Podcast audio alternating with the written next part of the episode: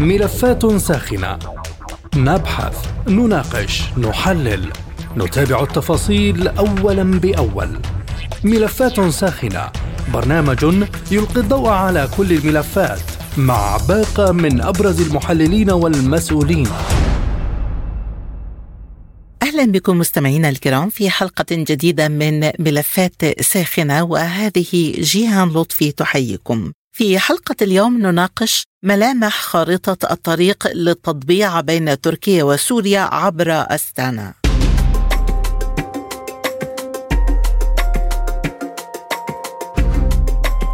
انطلقت اليوم في العاصمة الكازاخية أعمال الاجتماع الدولي العشرين حول سوريا بموجب صيغة أستانا والمقرر أن يستمر يومين تركز مناقشات الاجتماع الجاري على تغيرات الموقف الإقليمي حول سوريا والوضع الإنساني وجهود تسوية الأزمة ومسائل مكافحة الإرهاب. وكذلك إعادة أعمار سوريا وتوفير الظروف لعودة اللاجئين. وفي صدارة جدول الأعمال بحث التقدم المسجل في خارطة الطريق لتطبيع العلاقات بين سوريا وتركيا ويشارك في الاجتماع وفد سوريا برئاسة معاون وزير الخارجية الدكتور أيمن سوسان ووفود البلدان الضامنة لعملية أستانا روسيا وإيران وتركيا وأيضا بحضور مراقبين مندوبين عن الأمم المتحدة ولبنان والأردن والعراق.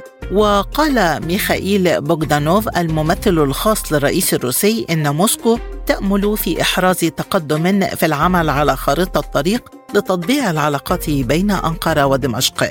كان الاجتماع الأخير التاسع عشر ضمن صيغة أستانا انعقد في العاصمة الكازاخية في الثاني والعشرين من تشرين الثاني من العام الماضي ودعا في بيانه الختامي إلى الالتزام بسيادة سوريا ووحدة وسلامة أراضيها. فما هي ملامح خارطة الطريق للتطبيع بين تركيا وسوريا عبر أستانا؟ وهل ينجح المجتمعون في تثبيت ملامح هذه الخارطة؟ هل ستقبل تركيا بالانسحاب من كامل الأراضي السورية؟ وما هي الضمانات التي تطالب بها؟ وفي ظل انقسام المعارضة السورية ومنع واشنطن للأكراد من التفاوض ما تأثير هذا الانقسام على مسار أستانا؟ وإلى أين وصلت مشاورات عودة اللاجئين إلى سوريا؟ حول هذه المحاور وغيرها تدور نقاشاتنا في ملف اليوم من ملفات ساخنة. البداية من سوريا ومعنا عبر الهاتف الدكتور علي الأحمد عضو أكاديمية الأزمات الجيوسياسية أهلا بك ضيفا عزيزا دكتور علي وسؤال حلقة اليوم ما هي ملامح خارطة الطريق لتطبيع العلاقات بين تركيا وسوريا وهل تنجح مشاورات اليوم في تكليف لجنة خبراء لصياغة هذه الخارطة؟ لا شك أنه إطار أستنا هو واحد من الأطر الإقليمية الدولية الأكثر آه، فاعلية. آه، وهو يختلف عن إطار آه، جنيف بمسألة مركزية أنه هو يدخل بصناعة خرائط ويدخل بالتفاصيل في العلاقات الإقليمية. لذلك طبعا اليوم أنا أعتقد أنه الروسي يقوم بهندسة علاقة آه، أو يحاول القيام بهندسة علاقة بين آه، جارين الآن في حالة من النديه وهو جار لدود اليوم ومحاولة تحويل هذا الجار التركي من جار لدود إلى جار ودود. وبطبيعة الحال تدرك سوريا تدرك الحكومة السورية وكذلك ادركت التركي أنه لا مفر من إقامة علاقات سليمة بين البلدين. نحن في حالة جوار ولدينا أطول حدود أكثر من ألف كيلومتر أو بحدود الألف كيلومتر الحدود السورية التركية.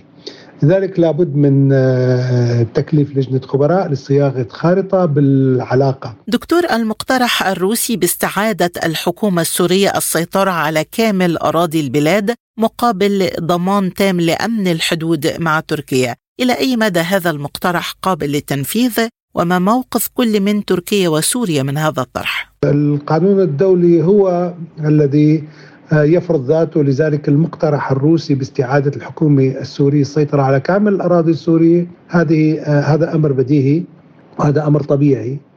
وإذا كان لدى تركيا أي مخاوف وهذا كان سابقا لذلك تم توقيع اتفاقية أضنا في عام 1998 لذلك إذا كان لدى تركيا أي مخاوف في هذا الموضوع فهذا يمكن أن يتم بالعلاقة بين البلدين بالوساطة الروسية أو بدون وساطة روسية بالوساطة الإيرانية أو بدون وساطة إيرانية. يمكن أن يكون لروسيا وإيران وغيرها من الدول الدور آه، الميسر أو المسهل ولكن الأصل أن تكون العلاقات سليمة بين البلدين لذلك نعم أنا أعتقد أنه قابل للتنفيذ كان سابقا منفذ ويمكن أن يعود. على صعيد آخر دكتور استعادة الروابط اللوجستية التي قطعت بين البلدين واستئناف التعاون الاقتصادي، إلى أي مدى وصلت هذه المشاورات في هذا الإطار؟ آه الأصل في هذا الموضوع استعادة الروابط اللوجستية التي قطعت. السبب هو المشروع السياسي اللي كان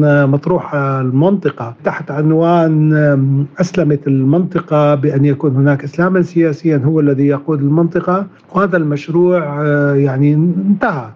ولا بد من إعادة ترتيب العلاقات اللوجستية بين البلدين وهذا ليس له علاقة بهشاشة وانقسام المعارضة من عدم ذلك صراحة لأنه ما يسمون اليوم معارضة وأقصد هنا طبعا الذين لهم ارتباط بالخارج هذا ليس عملا سياسيا معارضا. العمل السياسي المعارض هو إن كان في الخارج أو كان في الداخل له أجندة واحدة أو برنامج واحد هو برنامج داخلي برنامج إصلاحي عميق. يعني هناك معارضة آه، داخلية آه، جيدة ووازنة وهناك آه، شخصيات اعتبارية لا تتوافق مع نظام الحكم في سوريا أو السلطة القائمة في سوريا.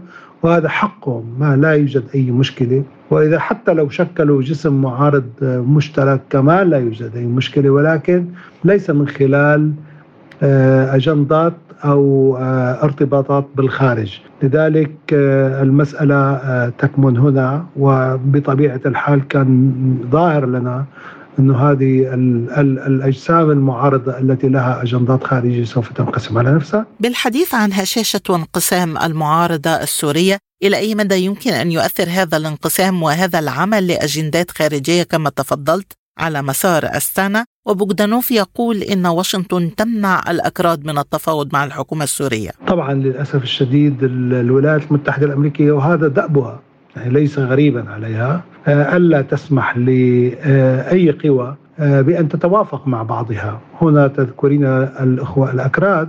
طبعا الولايات المتحدة وهناك إصبع إسرائيلي في هذا الموضوع لا تريد على الإطلاق أن يكون هناك توافقا سوريا سوريا بما فيه محاولة أو آه، وضع حواجز بين الكرد وبين القيادات الكردية ليس الكرد السوريين. القيادات الكردية التي مرجعها الولايات المتحدة الأمريكية وبين السلطة في سوريا. لذلك آه، المشروع ليس قصير هو طويل ولكن لقد بدأ يعني في نهاية الأمر عودة سوريا وعودة العرب إلى سوريا والعلاقات الدبلوماسية الإقليمية ونشاطها هذا مسار يعني هذا مسار لا عودة لا رجعة فيه إلى الخلف. هذا المسار سوف يذهب إلى الأمام بغض النظر عن المدة الزمنية ولكن لقد انطلق القطار باتجاه التسويات وهذا الأمر سوف يذهب إلى النهاية إن كان على مستوى الدول العربية أو على المستوى الإقليمي فيما, فيما يتعلق بباقي الدول ومنها تركيا بالتأكيد. من دمشق عضو أكاديمية الأزمات الجيوسياسية الدكتور علي الأحمد كنت معنا. شكرا جزيلا لك. وحول الموقف التركي من مقترحات أستانا معنا من إسطنبول الدكتور برهان كور أغلو أستاذ العلاقات الدولية بجامعة ابن خلدون. أهلا بك دكتور برهان وبداية كيف أثر تغير الأوضاع الإقليمية حول سوريا وعودتها لموقعها العربي على تقدم عملية التطبيع مع تركيا؟ خاصة أيضا في ضوء تحسن العلاقات التركية العربية. طبعا أكيد هذه إعادة العلاقات بشكل قوي جدا بين تركيا والدول العربية بما فيها طبعا الإمارات والسعودية ومصر. طبعا أكيد أثر بشكل إيجابي على الموقف بين تركيا وسوريا. طبعا هذا أصلا كان مطلب يعني أساسي لأنه اكتشفنا بعد طبعا مرور فترة طويلة أنه لا يمكن أن يكون أي تقدم ملحوظ بدون أن يكون هناك تعاون أو تنسيق أو يعني تفاهم بين النظام في سوريا وبين تركيا. آه، وخاصة طبعا هذا هذه المساعي بدأ بوساطه روسية ولكن أعتقد مع مرور الزمن ستكون هناك علاقات آه، ثنائية آه، سورية تركية وطبعا أكيد هذا بدوره سيمكن تؤدي إلى حل يعني مقبول للأزمة السورية آه، اولا وبعد ذلك طبعا إعادة العلاقات التركية السورية خلال فترة من الزمن. ولكن طبعا أكيد أمامنا يعني مشاكل لأنه تراكمت هذه المشاكل منذ يعني تقريبا 13 سنة. اذا لابد أن يعني نستمر بهذا المسار آه، بشكل قوي طبعا استانا هي هي أصلا أصبحت هي الأساس في تطوير العلاقات التركية السورية في المرحله القادمه. اذا دكتور برأيك هل ما زالت تركيا على موقفها من تصفير المشكلات مع الجوار وتحسين العلاقات مع سوريا بعد انقضاء الانتخابات وفوز الرئيس أردوغان؟ طبعا اولا يعني لا يجوز أن نربط المبادرات آه من أجل حل المشاكل بمسار الانتخابات. ولكن الانتخابات أعطى دفعة قوية أعتقد لهذا المسار لأنه هذا التوجه التركي لحل المشاكل أكيد يمكن أدى إلى أو ساعد ودعم موقف أردوغان في الانتخابات لأنه الناس الشعب التركي يريدون حل المشاكل ويريدون الرجوع إلى يعني القضايا مهمة مثل الاقتصاد مثل مثلا التنمية التنمية البشرية التنمية الاقتصادية طبعا حل المشاكل الدولية كيف ستساعد بدورها على إعادة اقتصاد التركي آه، نفسها بشكل قوي. اذا يعني انتخابات وهذا المسار تصوير مشاكل تدعم بعضها ويعني أعتقد سنرى يعني تطورات ملحوظة أكثر لأنه الآن لم يبقى أمام أردوغان مشكلة انتخابات. هي هناك انتخابات محلية ولكن هي هي شان داخلي بينما الآن يعني أمام أردوغان خمس سنوات من من القوة ومن كذلك من الثقة من الشعب أعتقد سيكون يعني تصرفاته أكثر آه، وثيقة في هذه المرحلة. إلى أي مدى تتمسك تركيا بالحضور العسكري في الأراضي السورية وما هي الضمانات التي تطالب بها خلال اجتماع أستانا؟ يعني اولا طبعا وجود تركيا العسكري في المنطقة هي طبعا آه، هدفها اولا ضمان الأمن القومي التركي على الحدود لأنه هناك منظمات إرهابية بالدرجة الأولى جزء منها جزء كبير منها يدعم من قبل أمريكا حزب الشعوب الديمقراطيه والكيد PKK ثانيا طبعا هناك داعش كذلك وهناك يعني منظمات إرهابية أخرى لذلك تركيا تريد أن تضمن الأمن الحدودي ووجود تركي آه، اولا سببها الاساسي هذا هو الوضع. ثانيا طبعا تركيا تريد إرجاع جزء من اللاجئين إلى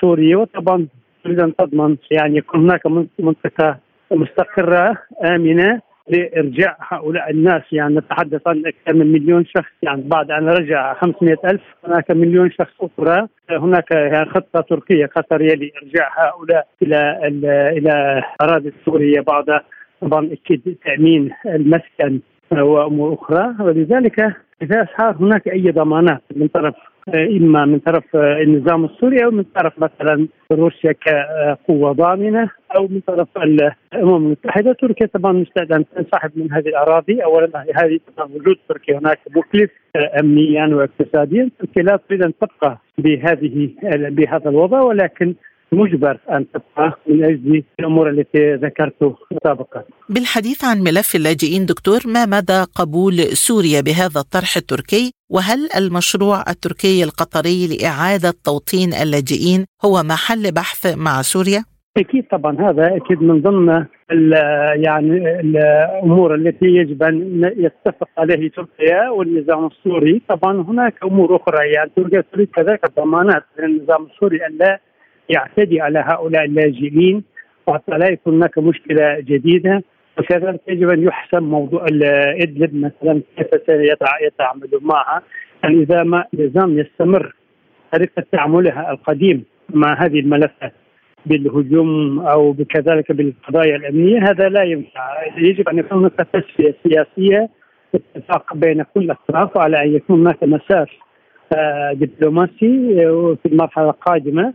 في هذه الوضع يعني بعد ما تستقر الأوضاع بين المعارضة والنظام طبعا يكون هناك خريطة طريق رجوع العلاقات آه، أو رجوع الوضع السياسي إلى إلى شكلها الطبيعي بعد ذلك طبعا تركيا مستعدة تنسحب تترك الأراضي ل آه، يعني الجيش السوري وللقوات السورية. بعد الاتفاق بينهم. مع تمسك تركيا بالوجود العسكري في الداخل السوري برأيك دكتور إلى أي مدى ستدعم الدول العربية سوريا في رفضها لاستمرار هذا الوجود؟ يعني الدول العربية أكيد لهم علاقات مع سوريا ولكن علاقة تركيا مع سوريا علاقة الجوار. ونحن عندنا أولوية في اتخاذ قرارات بيننا وبين سوريا. بينما الدول العربية إذا يريدون حل نهائي في سوريا يجب أن يدعموا ليس فقط النظام السوري ولكن يجب أن يدعموا الموقف التركي لأن تركيا تريد كذلك بقاء الأراضي السورية وحدة أراضي الأراضي السورية استقرار في سوريا رجوع سوريا إلى الساحة الدولية. كل هذه الأمور تركيا ترحب بها ولكن بشرط لا يكون هذا ثقل جديد على تركيا وعلى الشعب التركي. نحن طبعا تحملنا كثيرا من من المشاكل. في المرحلة القادمة لا الشعب التركي لا يريد استمرار هذه المشاكل مثلا رجوع السوريين إلى وطنهم إعادة العلاقات ويمكن بدايه التجارة الجديدة مع سوريا وطبعا تركيا تكون صلة الوصل بين تركيا والعالم العربي كلها. طبعا أكيد يعني فيها فائدة لسوريا ولتركيا. وكلنا نعرف أن سوريا ليس في وضع يعني جيد. آه، تركيا بحاجة سوريا بحاجة إلى تركيا بشكل قوي. حتى حاجة سوريا إلى تركيا أكثر من كثير من حاجة سوريا إلى الدول العربية. اذا لابد أن يكون هناك تعاون من طرف سوريا مع تركيا والتفاهم كذلك يعني آه، وضع تركيا. ويعني هذا هو أعتقد الموضوع الأهم. آه، وطبعا إذا كان هناك أي شراكة عربية من أجل تطوير العلاقات التركيه السوريه هذا طبعا تركيا ترحب بها. ما مثلا رحب بمبادرة مصرية رحب بمبادرة سعودية. الآن طبعا حتى إشراك لبنان والأردن في مسار السنة كذلك أعتقد من الإيجابيات جدا لأننا نحن نعاني من هذه المشكلة آه، ثلاث دول بالأساس آه، تركيا والأردن ولبنان. لابد أن يكون هناك فعلا تفاهم بين كل هذه الدول. في المرحلة القادمة. في مسألة تعزيز إجراءات الثقة في قضية تبادل المعتقلين ما هي الضمانات التي يمكن أن يقدمها المجتمعون في أستانا في هذا الملف؟ طبعا يعني أولا روسيا عندها تأثير قوي جدا على على النظام السوري. طبعا أكيد إيران وتركيا دول التي يعني تساهم في إعادة يعني إخراج المعتقلين من السجون ويجب أن يكون هناك يعني أعتقد تصفية الأمور بشكل قوي. ويجب أن يكون هناك تفاهم بين الشعب السوري والنظام السوري إلا فلا يمكن أن يكون هناك أي تقدم. وإذا صار هناك هذا يعني هذه مثلا إطلاق المعتقلين تكون خطوة إيجابية جدا آه، بالنسبة للنظام. هذا أكيد ستجد صداحة عند الشعب السوري عند المعارضة؟ أعتقد هذا كلها ستفيد يعني الحل السياسي. في المرحلة القادمة. أخيرا دكتور سؤال حلقة اليوم. هل ينجح اجتماع أستانا في تثبيت خارطة الطريق للتطبيع بين تركيا وسوريا؟ يعني أولا إلى الآن أستانا مسار أستانا هي الوحيدة التي تعمل وتشتغل وهناك خطوات مثل ما بدأ بين الجهات الاستخباراتية بعدين طبعا تحول إلى مسارات دبلوماسية. أعتقد يعني الحل السياسي سيتم من خلال هذا المسار أنا لا أرى أي مسار آخر أنجح من مسار السنة السنة يمكن كذلك تحرك المسارات الاخرى التي قد فشلت من قبل مثل مثلا المبادرات الأوروبية آه، بروكسل من هذا القبيل أعتقد أستانا هي الآن يعني أقوى مسار أقوى مبادرة من حل لحل المشكلة. وحول إشكاليات القضايا التي تواجه عودة العلاقات بين تركيا وسوريا معنا من الأردن أستاذ العلاقات الدولية بالجامعة الهاشمية الدكتور جمال الشلبي. أهلا بك ضيفا عزيزا عبر أثير سبوتنيك. دكتور جمال بداية ما هي فرص مسار أستانا في تطبيع العلاقات بين تركيا وسوريا؟ وما الذي تستفيده كل من روسيا وإيران برعايتهما لهذا الملف؟ بالتأكيد هذا المؤتمر يعد إحدى اللقاءات الهامة التي تجريها روسيا وإيران وتركيا وسوريا من أجل الوصول إلى حل شبه نهائي أو نهائي فيما يتعلق بالقضية السورية التي ابتدأت منذ عام 2011 وإلى الآن. آه، إلى أي درجة نستطيع أن نتفائل؟ هذا يحتاج إلى تفكير عميق ولكن أنا أقول أن الظروف اختلفت الآن، اليوم نتحدث عن تركيا تتجه يوما بعد يوم نحو روسيا.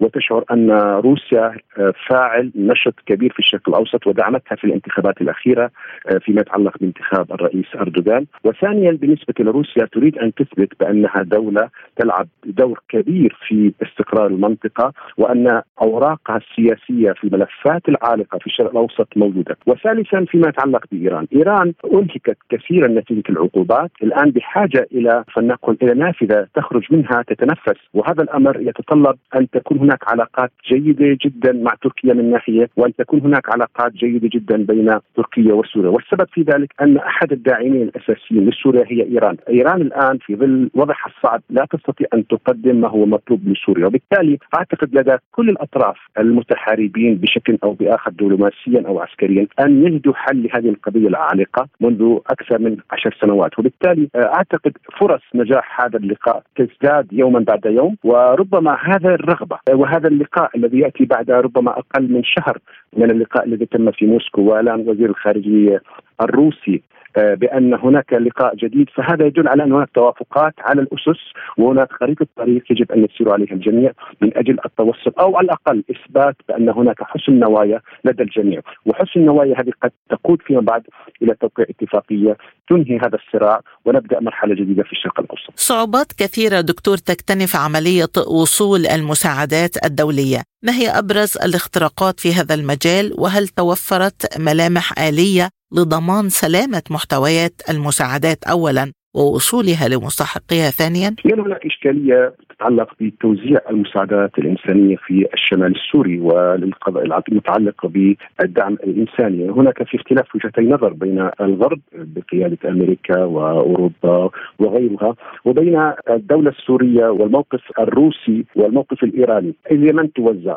وبأي طريقة وما هو دور الدولة العميقة في سوريا أي دمشق؟ أعتقد هناك في اختلافات لكن ربما يكون هناك موقف أكثر توازنا من هذا الأمر هو متعلق بدور الأمم المتحدة، دور الأمم المتحدة هو الفاعل الأساس وهو الذي يستطيع أن يوازن بين رؤى الفرقاء المختلفين في هذا الصراع ومن ثم يتم توزيعها بشكل أو بآخر حسب المناطق وحسب الحاجة وحسب آه، ربما تقديم خدمات هنا وهناك تلبي الأطراف المؤيدة أو المعارضة لهذا الطرف. ومن ثم نخرج من هذه القضية الدوليه التي يعني من المفروض أن تكون هي حلقة وصل من أجل التوافقات بعيده بعيدا عن الصراعات المحتملة بين جميع الأطراف. في تركيا ثلاثة ونصف مليون لاجئ دكتور، كيف تؤثر قضية عودة اللاجئين على مسار السنة وما هو وضع هذه القضية في خارطة الطريق الخاصة بتطبيع العلاقات خاصة بعد أن تحولت القضية إلى موضع سجال في الداخل التركي. يعني إحدى هذه إحدى فلنقل النقاط الخلافية داخل الدولة التركية. وربما كان الصراع والتنافس الحزبي بين الفرقاء أردوغان وأوغلو حول كيفية التعامل مع هذا الملف الملف الصعب. لكن عندما تفكري بأنه ثلاثة ونصف مليون لاجئ أضيف لهم مليونين لاجئ من العراق وأفغانستان هناك خمسة مليون. في الواقع عندما نقيس 5 مليون على حوالي 85 مليون تركي لا يشكل حقيقة أي أداء. ولكن يبدو لي أن هذه الورقة أصبحت ورقة سياسية تستغل من جميع الأطراف. من هنا أنا بظن أنه كان هناك دعم أو دفع من جانب روسيا إلى سوريا أن تقبل فيما يتعلق باللقاء. الذي كان محتملا بين الرئيس السوري والرئيس أردوغان. وهذا يدل على أن روسيا أرادت أن تدعم بشكل أو بآخر الموقف لأردوغان حتى يستطيع أن يفوز وقد فاز. اليوم الوضع مختلف. أنا أظن أن الموقف الأردوغاني من هذه القضية مرتبط في علاقته مع مع إيران من ناحية ومع مع روسيا من ناحية أخرى. وبالتالي أعتقد أنه يمكن التوصل إلى هذا الأمر ليس عبر التهجير وليس عبر العمل القسري وليس عبر موجات الكراهية التي بدأت تدب في المجتمع وفي الدولة التركية ولكن عبر التطبيع بشكل أو بآخر بين تركيا وسوريا ومن أجل إخراج هؤلاء اللاجئين الذين يبلغ عددهم حوالي 3.5 مليون نسمه بالطرق القانونية بالطرق السلميه بعد تهيئة البنى التحتية في سوريا وبعد التأكيد أن هؤلاء لم يتم ملاحقتهم لا قانونيا ولا سياسيا. وبالتالي أظن الخروج من هذه الأزمة أو من هذا الملف يتم عبر التوافق اولا السوري التركي من ناحية وبضمانات إيرانية وروسية. بالانتقال إلى قضية إعادة الإعمار دكتور هل تمثل هذه القضية عنصر الجذب الأكبر لعودة العلاقات التركية السورية من بوابة الاقتصاد وماذا عن التنافس الدولي في هذا السياق؟ يعني هذه ورقة جدا مهمة. الكل يسعى الآن إلى مصالحه. تركيا تفكر. آه، تركيا لعبت دور مهم في عملية فلنقل تسهيل دخول الكثير من الجماعات آه، المتطرفة ولعبت دور مهم في إرهاب آه، الاقتصاد والدولة السورية. اليوم تتحول وتتغير. وجهة النظر التركية بدأت تختلف. أصبحت تدرك بأن مصالحها تبقى مع الجارة الكبيرة سوريا وأعتقد أن هناك في اتفاق أدنى عام 2009 كان يسهل عملية خروج ودخول الأتراك والسوريين ومن ثم كانت هناك عملية اقتصادية لو استمرت كان الوضع الاقتصادي بين تركيا وسوريا في أوجه. ولكن بعد 11 أو 12 سنة من ما يسمى الربيع العربي اليوم أدركت تركيا بأنه لابد من آه، التوافق مع آه، الموقف السوري خاصة وأنه هناك في عملية إعمار. أظن أنه بعد 11 سنة من التدمير ومن القتل ومن التشريد ومن آه، هدم الكثير من البنى التحتية سوريا بحاجة إلى أكثر من آه، تريليون من الدولارات حتى تعيد على الأقل الحد الأدنى لكي تعود كما كانت سابقا. وبالتالي الشركات التركية جاهزة الشركات الإيرانية جاهزة الشركات الأوروبية جاهزة وأيضا الأمريكية فضلا عن الروسية. فبالتالي الكل يسعى يتقرب يحاول أن يبرز آه، رغبته في التعاطي والتعامل مع الدولة السورية بقيادة بشار الأسد.